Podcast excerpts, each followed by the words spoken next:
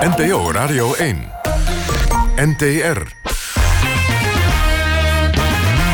Kwesties met Marianne van den Anker. Goedenavond, vrienden van de radio. Welkom bij weer een nieuwe aflevering van Kwesties. Het live debatprogramma van NPO Radio 1. Waarin wij actuele en brandende kwesties in Nederland bespreken. Dat gaan we zo direct doen. Namelijk ouder worden in Nederland. Senioren wel of niet hulp uit Marokko of Turkije invliegen. Maar we gaan eerst naar Mexico. Naar Louis Dekker, want de Grand Prix rijdt daar. En we zijn natuurlijk heel benieuwd hoe het met onze Max gaat. Halverwege de eerste ronde zitten we. Max Verstappen aan de leiding. Hij heeft gevochten in de eerste bochten met Vettel. Er zat misschien twee centimeter tussen. Ik denk dat ze elkaar zelfs geraakt hebben. Vettel had pole position in de Ferrari. Verstappen was gisteren bijna net zo snel, pakte plek 2. Maar hij heeft meteen orde op zaken gesteld. En het was met z'n drieën naast elkaar. Vettel, Verstappen en de man die hoopt vandaag wereldkampioen te worden, Hamilton. En dat laatste, die Hamilton, had dat beter niet kunnen doen. Want die heeft een tik gehad van Vettel. En ik denk dat Vettel ook schade heeft. Dus het is tumult in het begin. Echt een tumultueuze beginfase. Vettel inmiddels een nieuwe neus aan het halen in de pitstraat. Die heeft ook schade. Die heeft Hamilton geraakt. Hamilton een lekke band. Dus beide, ja, beide concurrenten voor Verstappen zijn gewoon even weg. Die moesten naar de pitstraat. En Verstappen heeft het rijk alleen. Heeft de leiding in de race. Heeft verschrikkelijk huis gehouden in de eerste ronde. Heeft echt op het randje van agressief Misschien wel iets te agressief, maar de wedstrijdleiding vindt het prima. En ja, dit gaat om de leiding in de race. Dus hij laat zijn tanden zien. Hij weet, ik wil hier winnen en die anderen moeten winnen. Nou, dan ga ik er gewoon vandoor. Verstappen, de leider in de race, heeft er niet lang over gedaan. Het heeft 1, 2, hooguit 3 bochten geduurd. Bottas is tweede. Ocon, de verrassende nummer 3. En zowel Hamilton als Vettel, de twee rivalen in het kampioenschap... waarbij je van Vettel kunt zeggen dat hij eigenlijk alleen nog maar een theoretische kans heeft... ja, die rijden nu gewoon stijf achteraan. En dat is misschien voor Vettel in de Ferrari nog wel slechter nieuws dan voor Hamilton. Want Vettel had hier moeten winnen. En eigenlijk weten we in ronde 2 al, dat gaat niet gebeuren. Zeker niet met Max Verstappen aan de leiding in Mexico. Dankjewel, Louis Dekker. Wat een spectaculaire opening van Max Verstappen. Dat belooft veel goed. Wij hebben het hier in Amsterdam Nieuw-West over ouder worden... en hoe de zorg voor ouderen, zeker met een biculturele achtergrond... in de toekomst beter geregeld kan worden. We zijn in Nieuw-West neergestreken... omdat hier heel veel mensen met een Turkse en Marokkaanse achtergrond wonen. Vooral ook veel mensen vanuit de eerste generatie... die worden in algemene zin allemaal ouder. En hebben dus ook steeds meer intensievere zorg nodig komen dat vooral natuurlijk nu nog tegen... omdat er veel uh, kinderen zijn die mantelzorg verrichten. Maar als dat niet meer gaat, moeten deze mensen soms ook naar een verpleegtehuis. Er zijn niet genoeg hulpverleners, dat lijkt de kwestie te zijn... en verpleeghuizen die voldoen aan de hulp en de inrichtingswensen... van deze Turkse Marokkaanse Nederlanders. En dus hebben we er een nieuw maatschappelijk probleem bij... en is het wellicht wel vijf voor twaalf. Daar uh, uh, hebben wij het hier over. We gaan u ook vertellen dat u natuurlijk met ons mee kunt kijken. Dat kan uh, live in onze mobiele studio via de app of op radio1.nl. Meediscussiëren kan ook via Twitter, hashtag kwesties. En dan komt u direct bij ons. Terug naar de hulpbehoevende eerste generatie migranten. Momenteel telt Nederland 115.000 van deze 55-plussers nu nog. In 2020 zal de groep biculturele Nederlanders verdrievoudigd zijn. En dan vooral in de grote steden. Potentieel dus een hele grote groep ouderen die steeds meer zorg nodig hebben.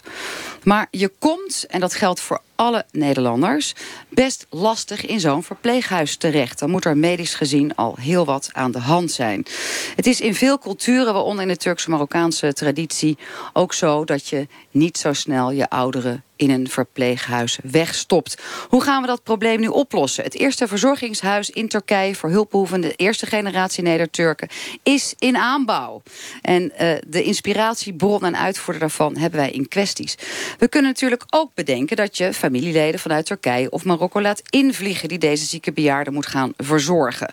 Nou, dat is een idee wat Mohammed Benzakour heeft ingebracht en die is ook bij ons in kwesties. We kunnen natuurlijk ook zorgen dat mensen langer thuis kunnen gaan blijven wonen of het op een allerlei andere manieren regelen. We hebben in ieder geval hier een uur lang de tijd voor... om daar met elkaar het gesprek over aan te gaan. En wellicht ook een stevig debat. Bij mij uh, Demet Akpinar, ontwikkelingspsycholoog. Je woont in Nederland, opgegroeid bij je grootouders. En sinds hun pensioen gaan ze veel op en neer naar Turkije. En langzaam maar zeker, zei je al, worden ze hulpbehoevend. sorry. Ik kijk de verkeerde persoon aan. Het is op zichzelf geen ramp. Ehm, hoe gaat het met jouw eigen grootouders? Uh, uh, goed, gelukkig goed. Ze zijn uh, achter in de 80, begin 90. Dat is altijd spannend bij, nou, bij niet alleen bij Turkse ouderen, Marokkaanse ouderen ook. Hè. Ze weten het leeftijd niet, maar ze doen het goed. Maar, dus ze zijn niet zorgafhankelijk. Maar hebben wel veel meer zorgen nodig dan, dan kleinkinderen die in Nederland wonen, werken, kunnen bieden. En is dat omdat de kleinkinderen en de kinderen zelf ook te druk zijn met hun eigen leven? Dat er gewoon geen tijd meer simpelweg is om mantelzorg te verlenen? Ja, ook. ook ja, als ouderen uh, heb, je, heb je geluk als je kinderen werken. Maar dat is ook tegelijkertijd de pech. Want als ze allemaal werken en het goed doen... dan zijn er geen mensen in de omgeving die voor je kunnen zorgen. En dat gebeurde mijn opa en oma inderdaad uh, ook. Um, nou ben jij een van de grondleggers van dat eerste verzorgingshuis in Turkije. Het is nog in aanbouw. Um, voor je eigen grootouders gebouwd? Nou, uh, ik denk dat iedereen die hier uh, bij betrokken is... Uh, vanuit de eigen privé-situatie heeft geredeneerd. Dus ja, het is ook voor mijn grootouders gebouwd. Maar misschien goed om te vertellen... we zijn niet begonnen met het initiatief... we gaan een verzorgingstehuis in Turkije bouwen. Maar we zijn in gesprek gegaan met ouderen... met onze eigen opa's en oma's... van god, waar, ja, waar lopen jullie nou tegenaan... en wat zouden jullie hebben? En dat is, dat, dat is uitgegroeid tot dit nou, wat grote plan. En ik ben maar één van de vele initiatiefnemers. Ja, je doet het natuurlijk met veel meer andere Heel mensen dit meer. realiseren. Ja. Um, nou, denk je natuurlijk ook direct als luisteraar... waarom kunnen deze mensen niet in een Nederlands verzorgingshuis? Waarom moeten ze naar Turkije? Ja, klopt. Ik zeg ook echt niet dat dit de oplossing... voor, voor alle senioren van Turkse, van Turkse komaf is. He, dit is een initiatief van mijn dorpsgenoten uit Baden. Die hebben de handen ineengeslagen en zijn uh, zelf met dit idee uh, gekomen. En financieren het ook helemaal zelf. En ik denk dat dit uh, een van de varianten is. In Nederland zijn er gelukkig ook heel erg veel voorbeelden uh, te verzinnen... waarin leuke initiatieven, laagdrempelige initiatieven zijn ontstaan. Dus we moeten niet net doen alsof het allemaal helemaal niet goed gaat. Maar voor mijn opa en oma en hun, uh, een aantal dorpsgenoten was dit wel heel ideaal. Ja, in hun en die eigen gaan dan letterlijk gezien terug naar hun eigen dorp... waar ze dan ja. ook land hebben, waar ze ja. een huis hebben. Ja, nou, zij gingen allemaal al terug hè, op vakantie, vaak. En dat, nou, dat werd de eerste zes weken als ze met gepensioneerd waren. En dat, daarna twee maanden, drie maanden. En uiteindelijk uh, nou, kunnen ze daar zo lang zij willen blijven... ook kunnen blijven. Hè. Voorheen kwamen ze terug naar Nederland om opgelapt te worden... en weer terug naar Turkije zodra het kon.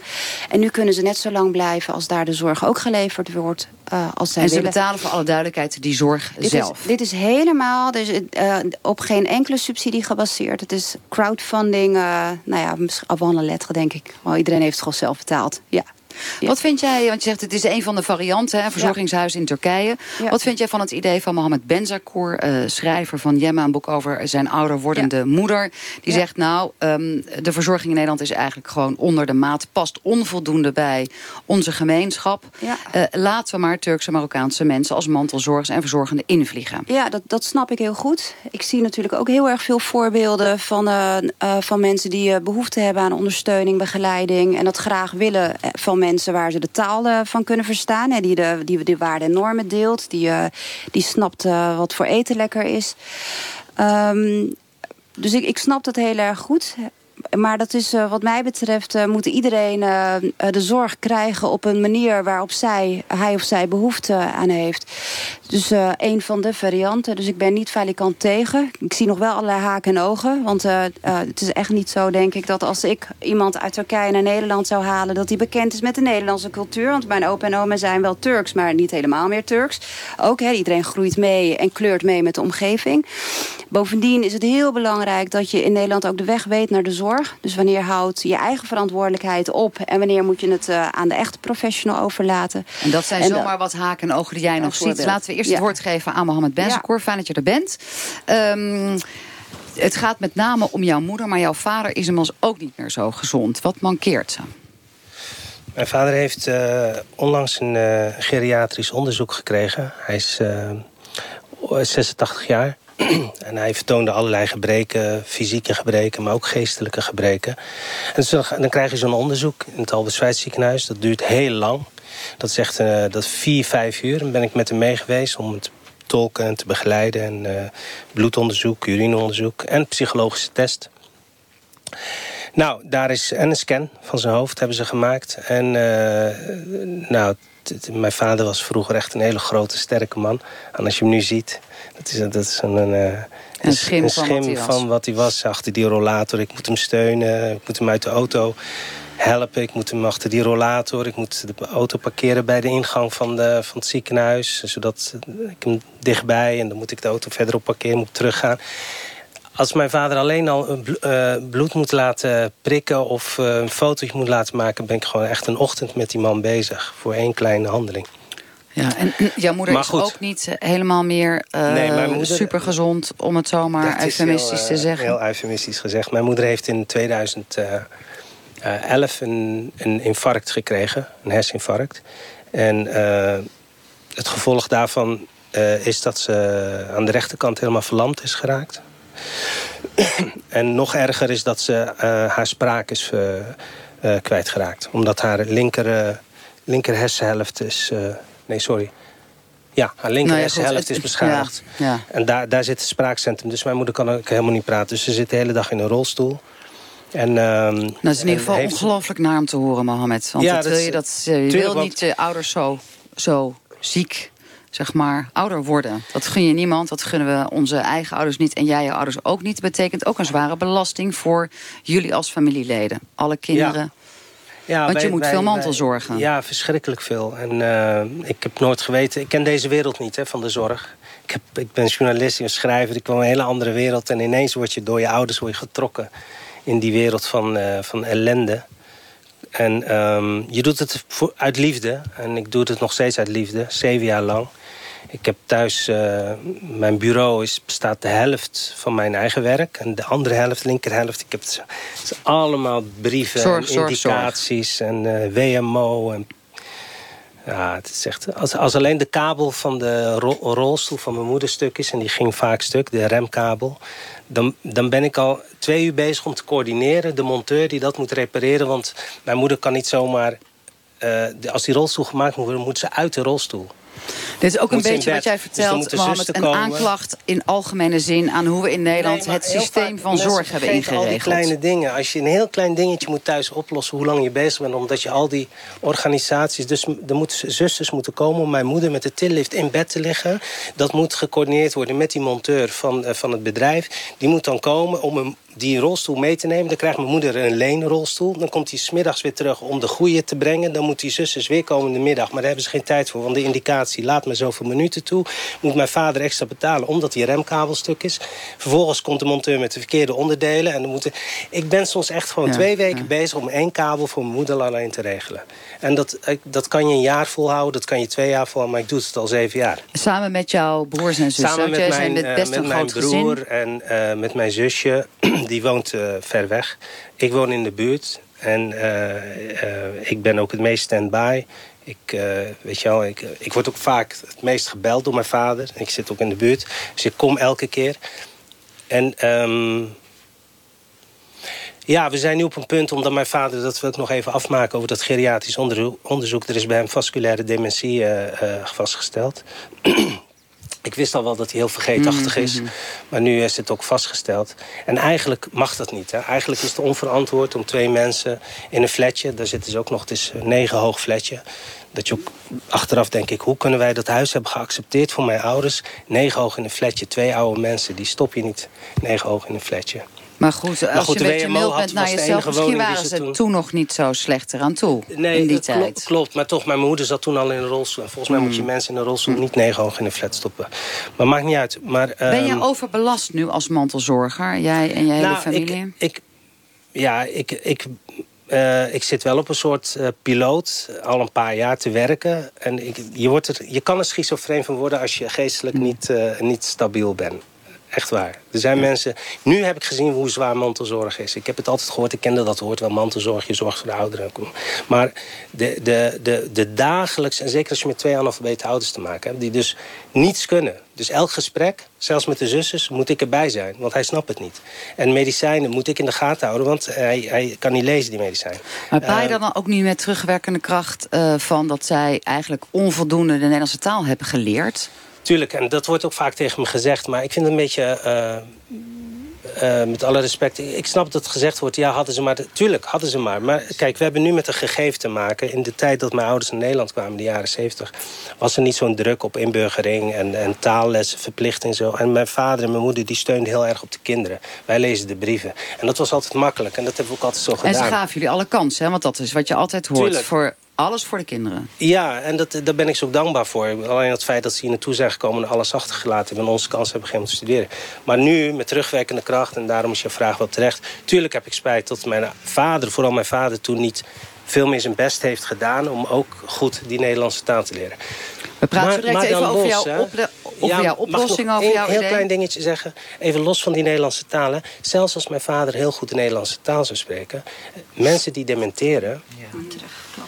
Die gaan terug naar hun eigen taal. Ik zit helemaal niet in de, in de, microfoon te praten, sorry. Mensen die dementeren gaan terug naar hun eigen taal. Dus het, het heeft sowieso op een gegeven moment geen zin. Nederlanders die in Australië hun hele leven hebben gewoond... die op een gegeven moment kunnen ze geen Engels meer. Okay. Die zitten alleen maar Nederlands te praten. praten over jouw idee om uh, mantelzorgers... en eventueel ook verzorgenden in te vliegen. We gaan uh, eerst naar uh, Samira, Samira Bouchipti van de gemeente uh, uh, Amsterdam. Ben jij gemeenteraadslid voor de VVD.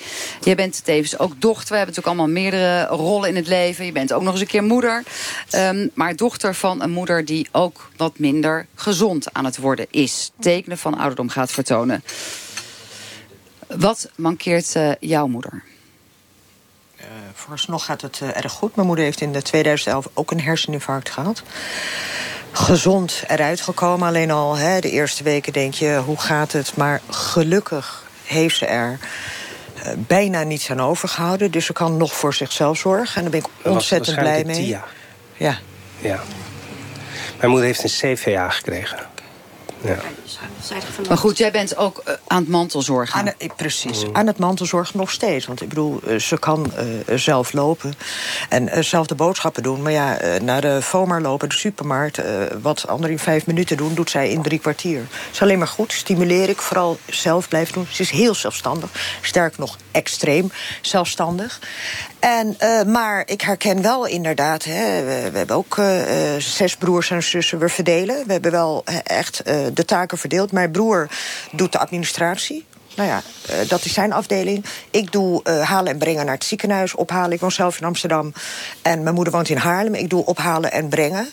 Is je moeder net als de ouders van Mohammed ook analfabet is? Ja, zeker. Ja. Zeker, dus ook met de medicijnen, naar de huisarts. Hè, met een zus praat je, of uh, pardon, met een dochter gaat dat toch anders hè, dan met mijn broer. Mm. Vooral ook in, met onderwerpen die wat ingewikkelder zijn. Dus daar kunnen we het wel over hebben. Ja, het is inderdaad... Uh, ik heb het niet zo zwaar natuurlijk, uh, uh, want dat zou niet eerlijk zijn. Maar, dat maar kan ik doe het wel gebeuren. Jaren. En inderdaad, heel, heel terecht. Het de, voordat we ja, voordat we starten met deze uitzending... zat je al te praten ja. met Hakima uh, uh, Yami. Jij bent uh, coördinator, ambassadrice van een woonzorgcentrum in Rotterdam...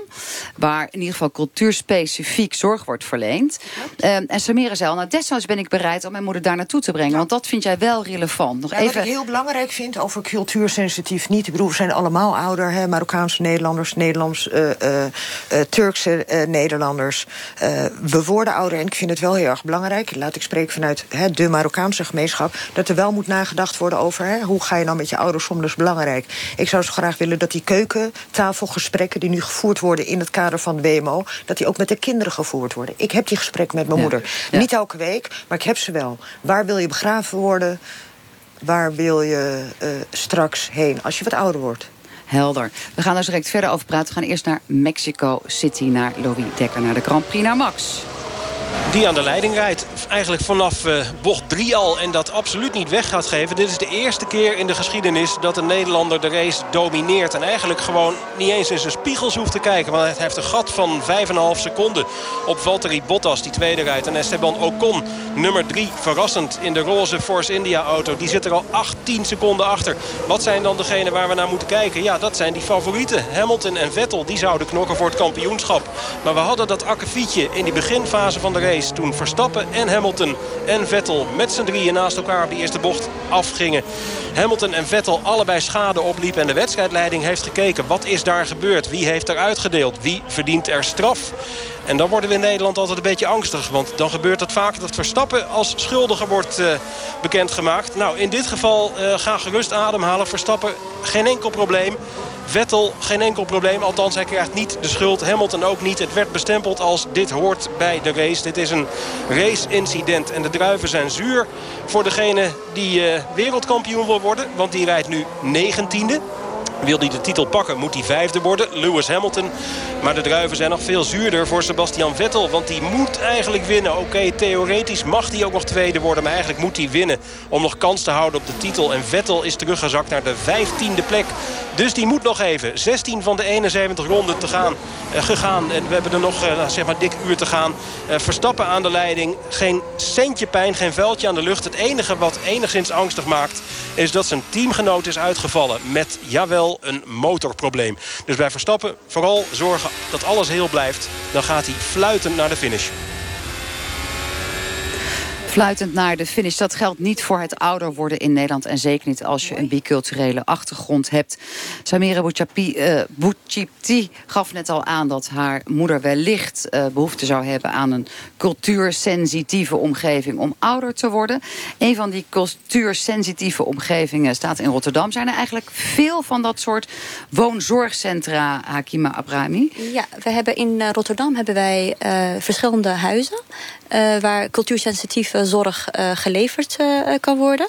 Uh, en waar ook eventueel gewoon multiculturele zorg is. zelf hebben wij het huis De Beukelaar. Mag ik ook de naam noemen? Ja, ja Lauren, tuurlijk, tuurlijk. Laurens De Beukelaar. Waar wij dus wel echt cultuursensitief werken. En dat is dan echt een, Marokkaans, een Turks, een Afro-Caribische en een Hindoestaanse woongroep. En de andere huizen, dat is dan multicultureel. Daar heb je alle culturen onder één dak. Ja, en dat zou, cultuur, daar ja. zou mijn moeder dan... Ik zou gaan vooralsnog hè, voor de zorg. Ik heb het niet over dementie, maar als het echt niet anders kan... wel inderdaad voor de multiculturele, hè, waarin ze elkaar ontmoeten... met elkaar ook in gesprek blijven... In, maar uh, ja, daar, dat is nu dus alleen maar, uh, uh, daar praten we nu dus alleen maar over. Mijn moeder wil het liefst, en dat willen echt alle ouderen... het liefst zo lang mogelijk zelfstandig thuis worden. Ja, dat, dat is onderzocht, dat, dat, voor iedereen, iedereen. dat het geldt voor iedereen. Regie, zelfregie, Precies. Maar, ja, en dan kun je verschillende varianten bedenken op... ja, hoe kan ik ouder worden, gelukkig ja. ouder worden. Zelfregie is heel belangrijk voor alle ouderen. Wat we ook weten vanuit met name de Turks-Marokkaanse cultuur... is dat er ook een soort schaamte is om je ouders weg te stoppen in een verpleeghuis. En dan kan je het nog heel lief een woonzorgcentrum noemen. Maar eigenlijk doe je dat niet. Burhan Jarlak, jij bent zelf van Turkse af, afkomst. Uh, ook actief in de Turkse gemeenschap. Hengelo nou, en breed daarbuiten. Actief geweest in de politiek. Nu nog steeds voor burgerbelangen. Daarvoor voor het CDA. Hoe zit dat met die schuld, schaamtecultuur... om je ouders niet weg te stoppen in een verpleeghuis? Inderdaad, ook de Turken hebben te maken met individualisering. Hè. Ze, uh, vrouwen die willen ook carrière maken, noem maar op. Hè. Arbeidsparticipatie die neemt toe. Uh, ja, dan goed, dan kun je je afvragen van in hoeverre kunnen we die tradities, hè, hetzelfde patronen zeg maar, nog meer behouden. Wat bedoel je met die tradities? Dat de morele ja, verplichting om voor je ouders te zorgen? Juist, dat het vroeger automatisch was. Bijvoorbeeld op het platteland uh, woonden ze ook samen, zo dichtbij mogelijk. Uh, maar goed, dit, inderdaad, ik, ik, ik, snap het wel. Het is nu tijd om even stil te staan van hè, hier en nu denken en kijken van... Uh, hoe gaan we nu met de huidige situatie mee om?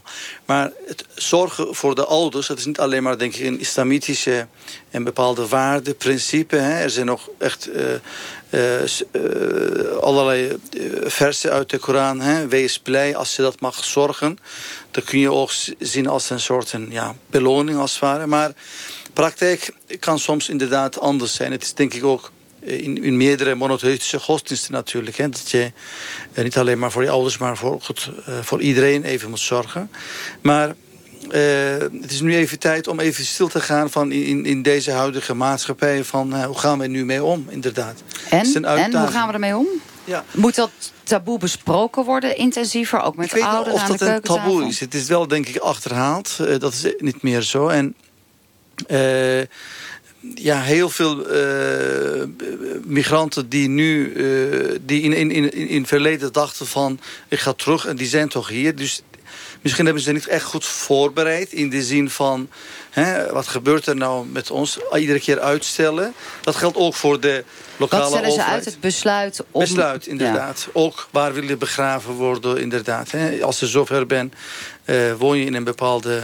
Zou je dat willen wonen in een bepaalde verpleeghuis? Ook is dat uh, afgestemd. Het is toch uh, zwaar en ja, toch, toch moet je het bespreekbaar maken, inderdaad. En moet je het dan bespreekbaar maken zoals uh, Samira suggereerde... als gemeente bij dat keukentafelgesprek bij de WMO... of ook als familie onderling? Ja, juist. Ja, juist, zeg Ja. jij. Ja. Ja. Daar begint het. Ik bedoel, hier heeft de overheid er niet mee te maken waar mensen begraven willen worden. Hè, het begint bij de kinderen, eventueel bij de kleinkinderen. Gewoon in gesprek met elkaar, broers en zussen. Het maakt niet uit. Maar dat je daar afspraken over maakt. Want anders kom je voor een voldongen feit als er wel iets gebeurt. En ik zou alleen maar willen dat het gebeurt met hè, overeenstemming. En met eh, eh, het gesprek dat je hebt gevoerd met je ouders. Terug eh, naar Turkije of naar Marokko of naar Suriname of naar welk land dan ook. Ja. Hoe zit dat bij jouw ouders, uh, Boerhan Jarlak? Die zijn uh, drie jaar geleden uh, teruggekeerd. wij zijn met ons vieren in, in Nederland in principe. En inderdaad, als wij, wat ik merk is, ook als ik mijn neef zus spel... dan heeft ze ook over van... ik heb net mijn moeder gesproken, het gaat goed met haar. In, in één keer zo van... Ja, we moesten even uitleggen en, en, en alsof dat... Maar om het, om het een beetje goed te begrijpen... jullie zijn als kinderen hier gebleven, want jullie Klopt. hebben het ook gewoon te druk. Klopt. Je ouders die zitten daar en worden Klopt. door neven en nichten daar verzorgd. Op dit moment echt zorg hebben ze niet nodig. Maar ik denk, het is, eh, het is, het is eh, hoe noem je dat? Het is niet alleen maar huishoudelijke zorg. Maar het is- als het gaat om de aandacht. Ik vind dat we de, de, de, de menselijke aspecten, de, de Een beetje gezelligheid. Inderdaad, dat het dan inderdaad. Het is menselijk dat je ook je eigen kinderen, broers of zus, wie dan ook, het, eh, eerste graads familie mist, zeg maar. En hoe ouder je wordt, het- ik denk dat des te meer het, behoefte en verlangen alleen maar toeneemt. En ga je naar ze toe? Want iedereen hier is, eh, zeg maar, de mensen die meekijken kunnen dat zien. We hebben zeg maar de bank waar heel veel wordt gemantelzorgd. Jij mantelzorgt nu helemaal niet. Ben je wel van plan om dat te gaan doen? Ga je dan zelf ook naar Turkije? Mocht het wat slechter gaan met je ouders? Eh, ja, echt confronterend, hè, zo'n vraag. Dan, eh, ja, eh, ik hoop dat, dat ze dan inderdaad eh, zo lang mogelijk gezond zijn en zo. Maar als het zover is, dan moeten we ook onderling met ons vieren afspraken maken. En ja, we moeten ook allemaal werken en allerlei verantwoordelijkheden. We hebben ook kinderen, maar het is inderdaad een grote uitdaging.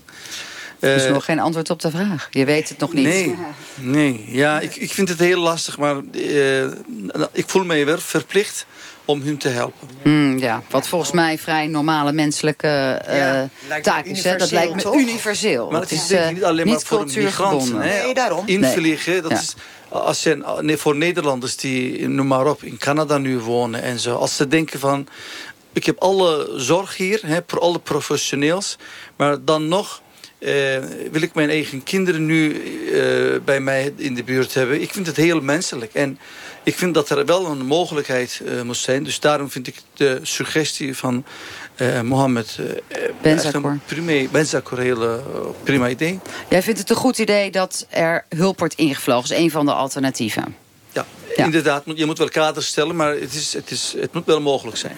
We gaan nog even terug naar het andere alternatief wat al bestaat. Namelijk cultuurspecifieke woonzorgcentra. Die onder andere in Rotterdam staan. De Beukelaar, Hakima Abdrami. Wat, jij zei net al, het is cultuurspecifiek. Wat is er dan zo cultuurspecifiek? Wat wordt er dan anders gedaan in zo'n islamitisch georiënteerde ehm, omgeving? Nou, eh, het is eh, bij ons zo dat eh, elke woongroep is eh, specifiek cultuur...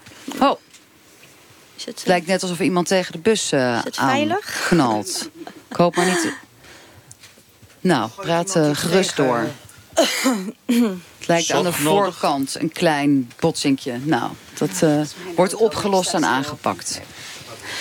Uh, nou, het cultuurspecifieke. het cultuurspecifieke is dat wij rekening houden met, met zowel religie als de traditie. Dus wij houden rekening met, met, met alles, als het maar ware. Goed, ik moet een beetje concreet, het eten. Het eten. Ja, de wij, wij, Koran wordt niet afgestoft, want dan mag je niet aankomen. Nee, wij hebben ten eerste hebben wij, hebben wij medewerkers. Wist ik ook We hebben medewerkers vanuit. wij hebben medewerkers vanuit, vanuit eigen cultuur. Hè, want taal is een van de belangrijkste uh, onderdeel om uh, goed te kunnen communiceren met, uh, met de bewoners. Want wij, hebben het ook over de bewoners. We hebben het niet over opnames. De, de zorgvrager komt bij ons als het ware inwonen. Ja, want je komt er pas in in zo'n woonzorgcentrum als het medisch al echt best wel Klopt. Uh, stevig fout is. Dat is waar, ja. Uh, dus de, de verzorgenden die bij ons uh, op de woongroep werken... Die, we, die zijn sowieso van Turks of Marokkaanse kom af. Dus die weten heel goed hoe ze met de Koran om moeten gaan. Die, die, kennen de cultuur, die kennen de gewoonten, de maaltijden. Er wordt echt met alles rekening gehouden. En daarbij nemen we ook naasten, naasten in mee. Hè. Dus wij, we betrekken de naasten in, in de zorg en, uh, en ook in het meedenken van nou, hoe kunnen wij passende zorg aan, uh, aan hun dierbaren uh, verlengen. Nou kun je er vanuit een, een, een marktgegeven naar kijken. Hè? Je kunt er vanuit het idee naar kijken. Voor iedereen is er maatwerk. Je hebt ook een roze vleugel voor homoseksuelen die ouder worden. Dus voor iedereen is er eigenlijk van alles en nog wat te vinden binnen jullie zorggroep. Je kan ook bedenken, politiek gezien, ja, wanneer houdt het een keertje op? En kunnen niet al die oudere senioren gewoon lekker bij elkaar zitten? Waarom moeten nou weer zoveel cultuurspecifiek met een groep rekening gehouden worden. Nee, goed. Als we uh, teruggaan naar dementie, hè, waar we het dus net, uh, net over hadden. Uh, dementie is, is natuurlijk een ziekte waar de persoon weer helemaal teruggaat in, in zijn tijd. En het is, het, is, het is gewoon niet te doen. Het is niet te doen om een dementerende Turkse bewoner of Marokkaanse bewoner ergens te laten inwonen in een omgeving wat voor hem niet ja, herkenbaar is.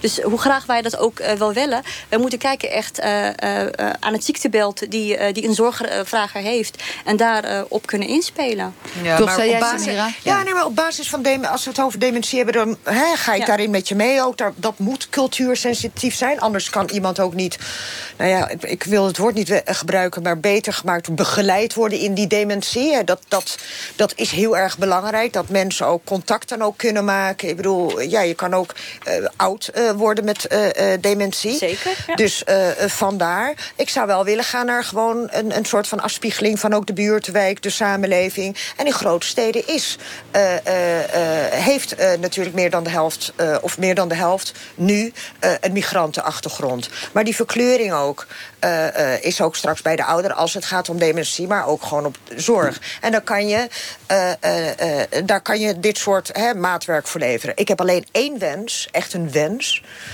En dat is dat meer uh, uh, jongeren met een migrantenachtergrond die zorgopleiding gaan doen. Ja, dat Want zijn dan heb veel te weinig. Nou ja, veel te weinig. Er is gewoon een, we hebben Bijna sowieso. Niemand. Nee, maar in de we zorg. Je hebt in het onderwijs, ja. juist. In het onderwijs, hè, uh, maar ook in de zorg. We hebben handen letterlijk tekort. Ja, dus dat betekent. Wat zeg je? Ja, een imago, absoluut. Ik heb heel veel bijeenkomsten ook, ook met studenten gesproken op ROC's.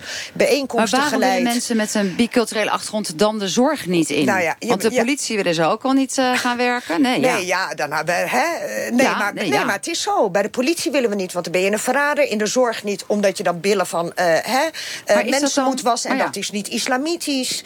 Um, um, maar wat zeg je dan tegen die biculturele Op de bijeenkomsten een imagoprobleem. Ik vind wel dat we niet meteen de hoop op moeten geven. Ik vind wel dat ROC's ook een verantwoordelijkheid hierin hebben... om juist te laten zien, hè, dit is een mooie opleiding. Zorginstellingen hebben een, een, een, een belangrijke taak erin. Ziekenhuizen, om echt ROC's ook te benaderen... om te zeggen, van, dit is een mooie opleiding, dit is wat je kan doen... dit is wat het betekent. En sterker nog, wie gaat straks jouw billen wassen? Hè, want jij wil het niet en jij wil het niet en jij wil het niet. En op een gegeven moment, terwijl de mensen er wel zijn... Hè, want het is heel nobel... Nou ja, en wat, als ze er niet zijn, dan zijn ze in ieder geval ook nog te vinden... in de bakken bij de bijstand. Dat zijn nog heel veel mensen die ook nog eens een keer werkloos I rest zijn. my case. En dat bedoel ik ook met wat uh, als uh, Mohammed Ben, ben Sakour zegt... nou ja, die mensen, dan, dan vlieg je... dan een soort van zorg-au-pair wordt Ja. dat dan. Maar niet zolang er gewoon mensen hier... gewoon nog omgeschoold, bijgeschoold, anders geschoold... of wat dan ook uh, kan worden. Mohammed Benzakour, je hoort het.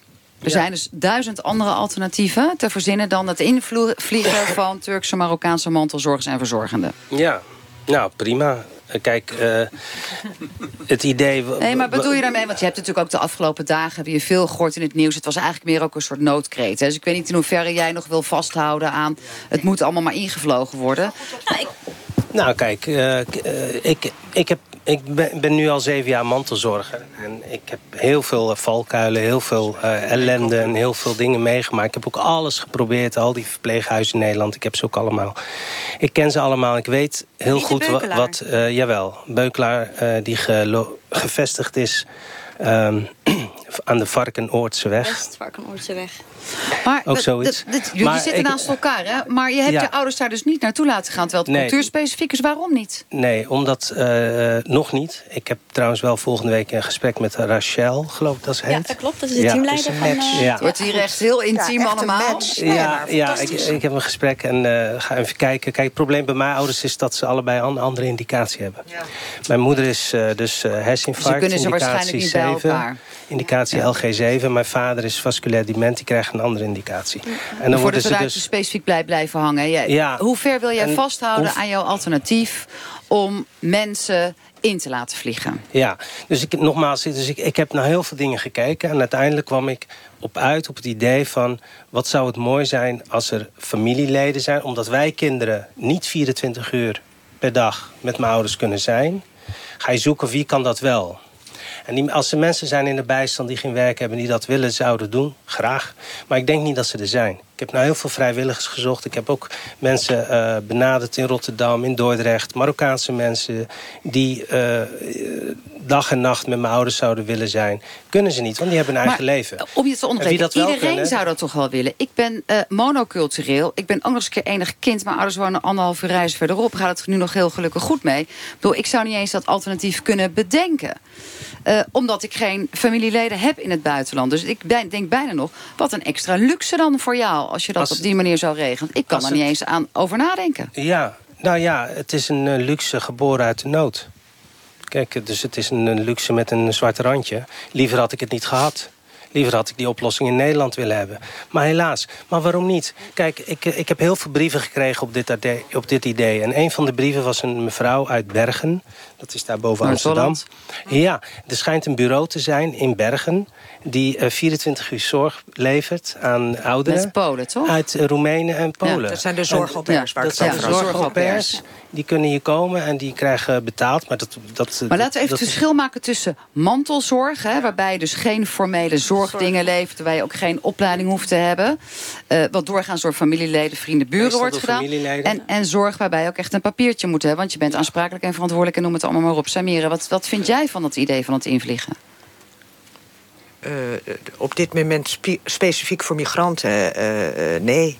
Ik bedoel, wij vliegen geen mensen in. Wij zorgen dat mensen hier opgeleid worden. Wij zorgen dat mensen hier de verantwoordelijkheid nemen voor hun ouders. Je ouders hebben voor jou gezorgd. Zorg ook voor jouw ouders. Ik vind dat je morele plicht, los nog van het hele islamitische... het is gewoon je morele plicht dat je met elkaar, nu ook... ik kijk ook of de buurvrouw een boodschap nodig heeft. Mijn buurvrouw komt bij mij een pak melk halen. En zo doen we dat gewoon met elkaar... omdat dat gewoon uh, de tijd ervoor is. Ouder wonen zo lang mogelijk thuis, als het echt niet kan. Maar ja, dan heb je allemaal individuele gevallen. Zijn ouders zouden uit elkaar inderdaad moeten. En dan kom je he, heel veel ook problemen tegen. Maar wij gaan geen mensen uit Marokko, Turkije of welke... Maar waarom is dat uh, voor jou zo'n taboe? Nee, het is geen taboe. Als je daarmee een generatie... want het is een tijdelijk probleem ja. voor een tijdelijke oplossing voor een tijdelijk probleem. Ik heb het alleen over de eerste generatie. Ja, want jij, als jij straks oud wordt, of ik, of is het probleem opgelost. Een soort generaal wij, pardon wij, voor de eerste wij generatie. Mantelzorgers uit Marokko of Turkije nodig. Wij spreken goed de Nederlandse taal. Wij zijn goed geïntegreerd. Ik kan prima in een Hollands verpleeghuis mij redden. Maar, ja, maar ik heb het over de eerste generatie. allemaal te maken met overbelaste mantelzorgers. Ja. Iedereen Precies, en alles. en dat, uh, uh, ja. dat is iedereen inderdaad. En het is geen taboe, maar het is geen oplossing voor het probleem. Dat is het. Als je iemand inderdaad invliegt, nou ja, omdat uh, als, als iemand aangeven dat ze daar behoefte aan hebben. Als mijn vader zegt, ik zou heel graag Samira uit ons dorpje... die daar niks te doen heeft. En die kent hij. En Samira kent hem. En die zou hier een, een jaartje of twee jaartjes kunnen... Het is ook maar tijdelijk, hè? Het is totdat ze sterven. En bij ons is begraven Nou, is helemaal geen we probleem. hebben ehm, eh, mevrouw Kunis gesproken voor ons programma. En die heeft al de ervaring gehad om voor haar eh, gehandicapte broer... die intensieve zorg nodig had... ook daadwerkelijk iemand in te vliegen uit mantelzorg, als mantelzorger uit Turkije. En dit is haar ervaring. Ik heb deze situatie meegemaakt. In verband met een eh, gehandicapte broer. Het is natuurlijk allemaal fijn en aardig dat een mantelzorg eh, uit Turkije voor je komt. En die je helpt in familie. Maar eh, wij hebben heel veel problemen ervaren. Want na, na een periode wilden ze graag hier blijven. Ze, ze wilden graag geld. Heel veel andere dingen ook. Ze wilden gewoon zekerheid met haar leven hier. Om iemand uit het buitenland, Turkije of Marokko te halen, is natuurlijk heel leuk voor je familie. Want eh ze kan eh, in jouw taal praten, ze kent jouw hele situatie. We helpen met koken, eh, met allerlei andere dingen. Het werk verlichten in, in, in huishouden. Dat is allemaal prima. Maar ik vind dat ook een, een dure grap. Want jij moet voor diegene gaan zorgen als hij hier is. En eh, het is niet alleen eten, drinken en een eh, slaapplaats. Daar nemen we helaas geen genoegen mee. Dus mijn ervaring is eigenlijk niet. Ik vind dat ze gewoon met de zorg die ze hier krijgen maar moeten doen. Ja, ik, ik zou het dus, ik, zou het liefst dus eh, geen mantelzorg of zo uit Turkije halen. Want mensen hebben daar ook geen behoefte meer. Vroeger was het misschien dat, dat hun inkomen laag was. Maar in Turkije heb je tegenwoordig ook een PGB. Men, mensen hebben ge- geen behoefte meer om naar buitenland te gaan. Mensen uit Turkije. Boer eh, Han uh, Jarlek, herken jij dit verhaal? Ik kan me een beetje voorstellen, ik, het is wel herkenbaar, alleen eh, zorg is eh, maat, maatwerk leveren. En elke in- individu is anders. Ik denk dat, er, dat we ook te maken hebben met eigenlijk eh, liever meer keu- keuzemogelijkheid. Je moet wel kijken naar, eh, per, per persoon, naar situatie. Maar beken nou eens even kleur. Ben je wel of niet een voorstander van het laten invliegen? Je hebt zelf je Ik ouders uit laten vliegen, maar het Nee, invliegen... Ja, eh, dat is hun keuze en dat respecteer ik. Ik bedoel, maar als het zover is... Ik bedoel, niet alleen maar voor migranten. Ik vind dat we door moeten trekken en breder moeten kijken. Voor iedereen. Eh, Nederlander, T- Turk, Marokkaan, maakt niet uit. Ook over 100 jaar. Dus daarom ben ik ook Maar het is niet- allemaal heel mooi universeel geantwoord. Dat willen we allemaal. Maar dat, dat voorstel, een van de alternatieven... voorstel van Mohammed Benzakourt... laten invliegen bezoldigd van mantelzorgers. Ben ik wel voorstander. Kijk. Bezoldigd door de familie, hè? Dus en het als is ze niet teruggaan als ze eh, blijven... Hoe bedoel je? Nog een Nou ja, dat is natuurlijk wat net in het fragment werd aangegeven. Dan is er dus een ervaring van iemand uit Turkije die is ingevlogen... en die willen meer, meer, meer en uiteindelijk ook niet terug.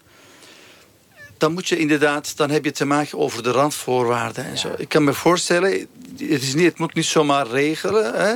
We hebben te maken met eh, vluchtelingencrisis, zoveel migrantengolven en zo.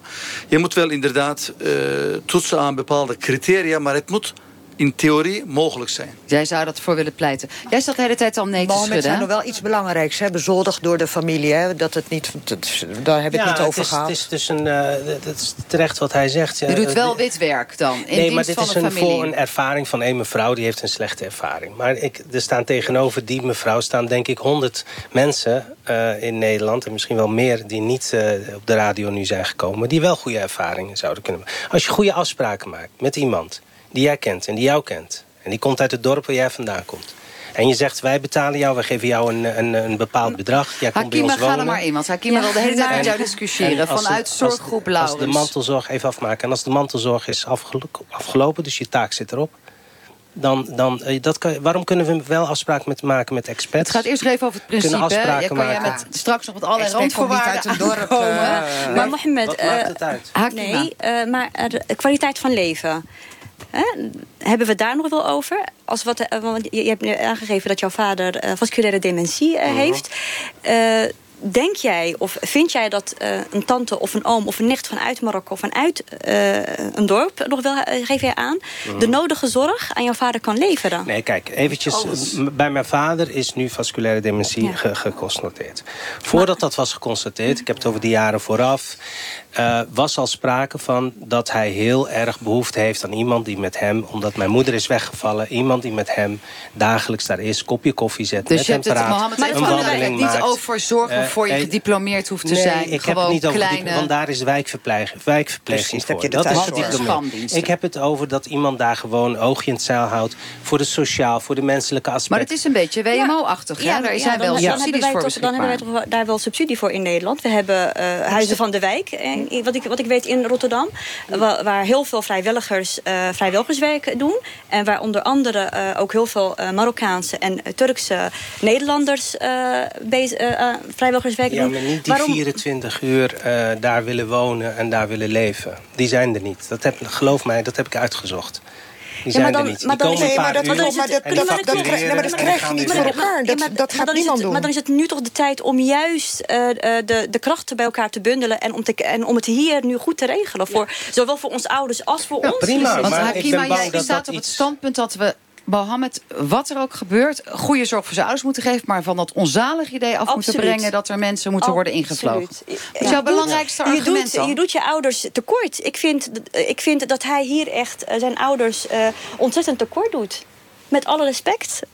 Ja, nou ja, ik, ik vind dat de WMO tekort schiet naar de zorg voor mijn ouders. En daarom vind ik mijn toevlucht tot eh, mensen in eh, Turkije en mensen in Marokko... Waarin, die wel eh, dat zouden je, kunnen doen eh, kan je voor mij specifiek eh, maken waarom WMO eh, tekort eh Er is een zorg? fantastisch Ik heb een paar verpleeghuis keer in, gezegd, in Rotterdam. 24 uur zorg Wij hebben dag- kan WMO niet leveren. En bovendien Nee, komen dat- ze met is mensen... WMO niet Daar is de voor. WMO Daar- niet nou, voor. precies, daarom zeg ik, Wil er zijn geen mensen... te veel voor je ouders? Is het niet een beetje eh, dat je overvraagt Ja, van maar wat ik je verwacht van de alles voor, samenleving? nee, maar ik Maar zou is- ook alles voor, nee, maar ik zou ook alles voor mijn ouders willen en het halen. willen. Ik, ik wil ook... Ook, We halen hier in ieder geval de WLZ en we halen de WMO zorg, waarbij je medische indicatie nodig hebt... en. WMO ondersteuning van Ik, ho- ik, hoop dat, ik, ik hoop dat de casus van Mohammed voor, voor jou en voor je ouders zo snel mogelijk wordt opgelost. Het maatwerk is ontzettend belangrijk, dat, we, dat weten we ook. Daartegenover staan ontzettend veel senioren die ook hele specifieke zorg nodig heeft, waar een WMO-uitvoerder heel veel in kan betekenen. Ik werk, ik, dit, dit project waar ik net over vertel, van behandelen mijn dorpsgenoten, dat doe ik vrijwillig. Dat doen we met heel veel mensen. Daarnaast werk ik bij BNA. BNA is een van de WMO-uitvoerders. En wat, wij, wat, wat bedrijven zoals de onze doen, die gaan in gesprek met mensen nog voordat het zo geëscaleerd is. Dus dat gaat, zit in het hele preventieve traject.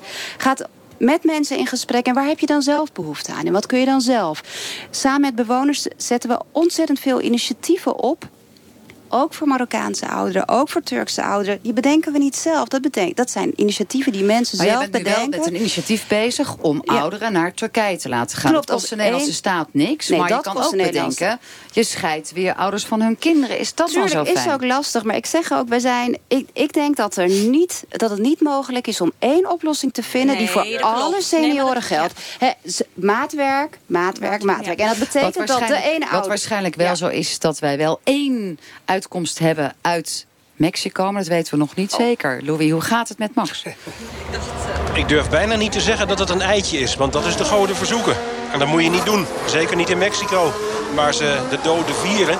Waar de Dias de las Muertes bezig zijn, waar iedereen in feeststemming is. En Verstappen zeker een feeststemming heeft, maar er nog niet aan wil denken. Want die is niet gewend.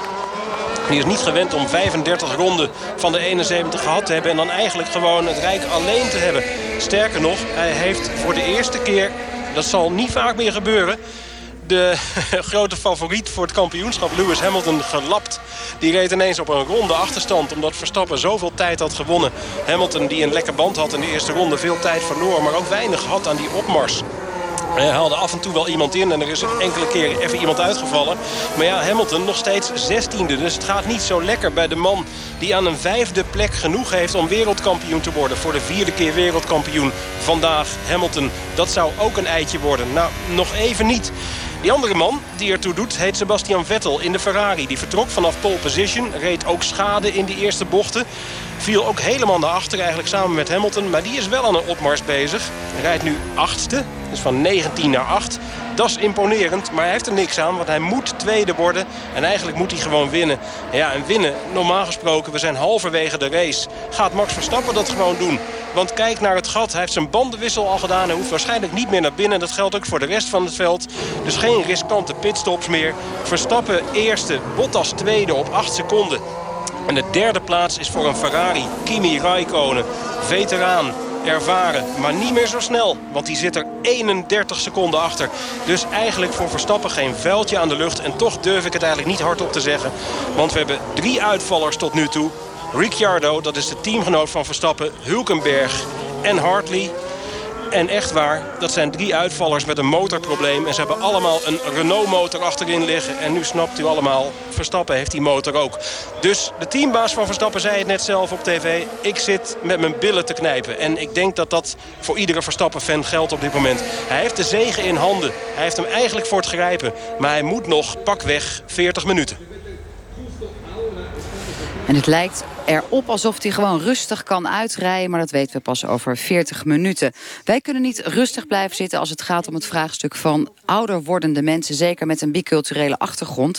Want er zijn er straks steeds meer verschillende alternatieven zijn al besproken. Onder andere het invliegen, wellicht van mantelzorgers... een uh, opvanghuis, mantelzorg in uh, Turkije zelf bieden...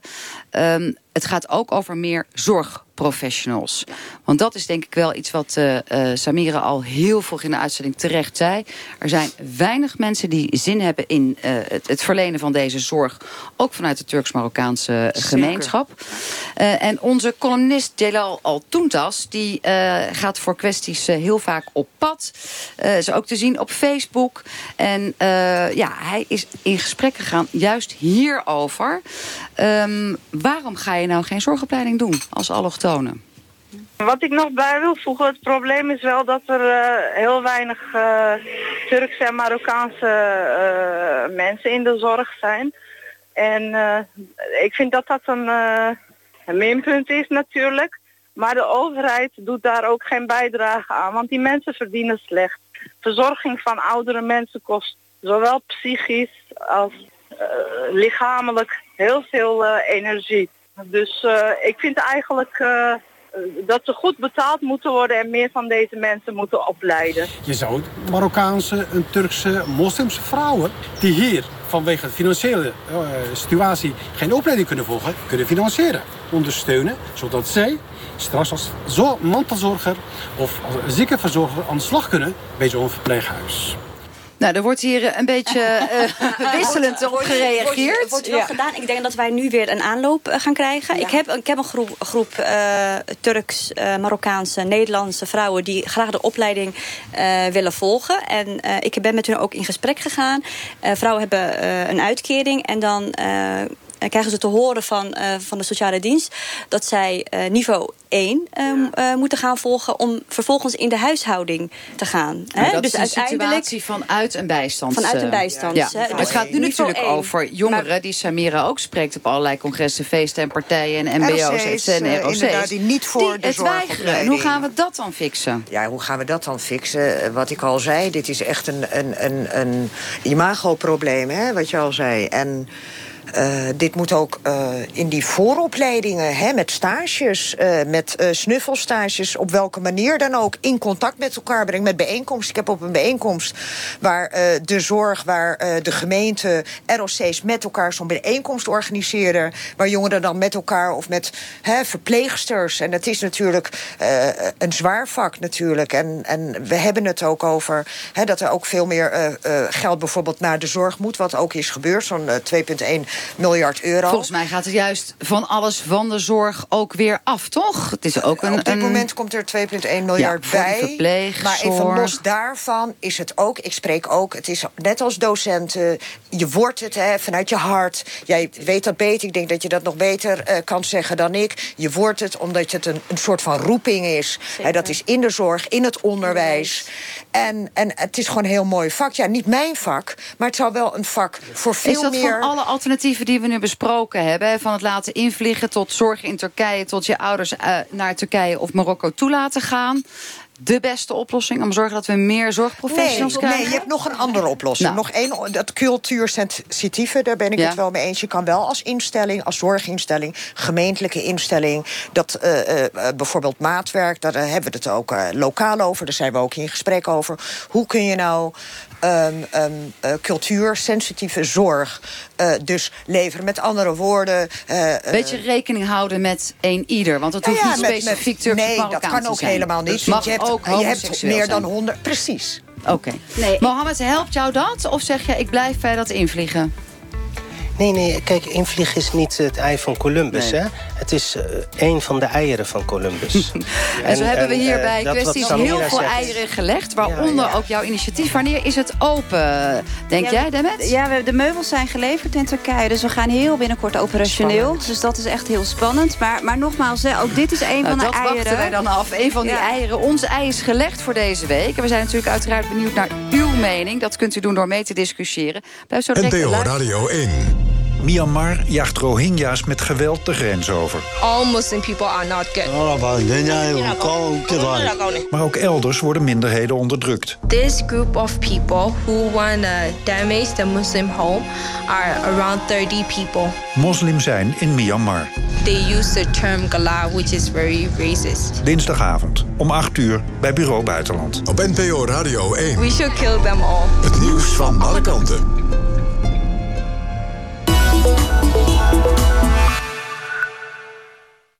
Stel, je hoort alweer van de bank dat de rente op uw spaarrekening wordt verlaagd. Dan is gemaksbeleggen van Centraal Beheer misschien iets voor jou. Want Daarmee belegt u heel makkelijk en tegen de laagste kosten. en stap je nu in, dan krijg je een welkomstbonus van... Zo, 50 euro. Kijk voor de voorwaarden op centraalbeheer.nl slash beleggen.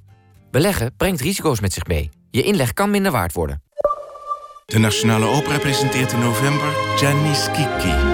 Het meesterwerk van Puccini over ware liefde. En de macht van het geld. Kaarten via operaballet.nl In 1927 begon onze grootvader, Pake Roelf, bij AVEC met bedden op maat. Speciaal voor in de Friese bedsteden.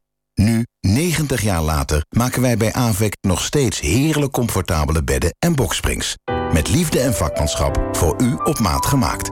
Voor de dichtstbijzijnde dealer kijkt u op avecbedden.nl. Leiderschap gaat altijd over jezelf kennen. Ik was, ik was er gewoon te obsessief mee bezig. Het moest lukken, weet je wel. Waardoor je jezelf heel veel stress oplegt. En voor ik het wist had ik klanten, zeg maar. En daar schrok ik wel van, want ik had nog geen bedrijf. De gedachte dat je een bedrijf helemaal in je eentje kan opzetten... en dat dat helemaal succesvol maken, dan, eh, dan heb je het gewoon helemaal fout. Openhartige gesprekken met inspirerende ondernemers. Dat is Groeifactor. Het inspiratieplatform van MKB Brandstof. Beluister alle gesprekken waar en wanneer je maar wil op groeifactor.nl. Groeifactor beweegt ondernemers. NPO Radio 1.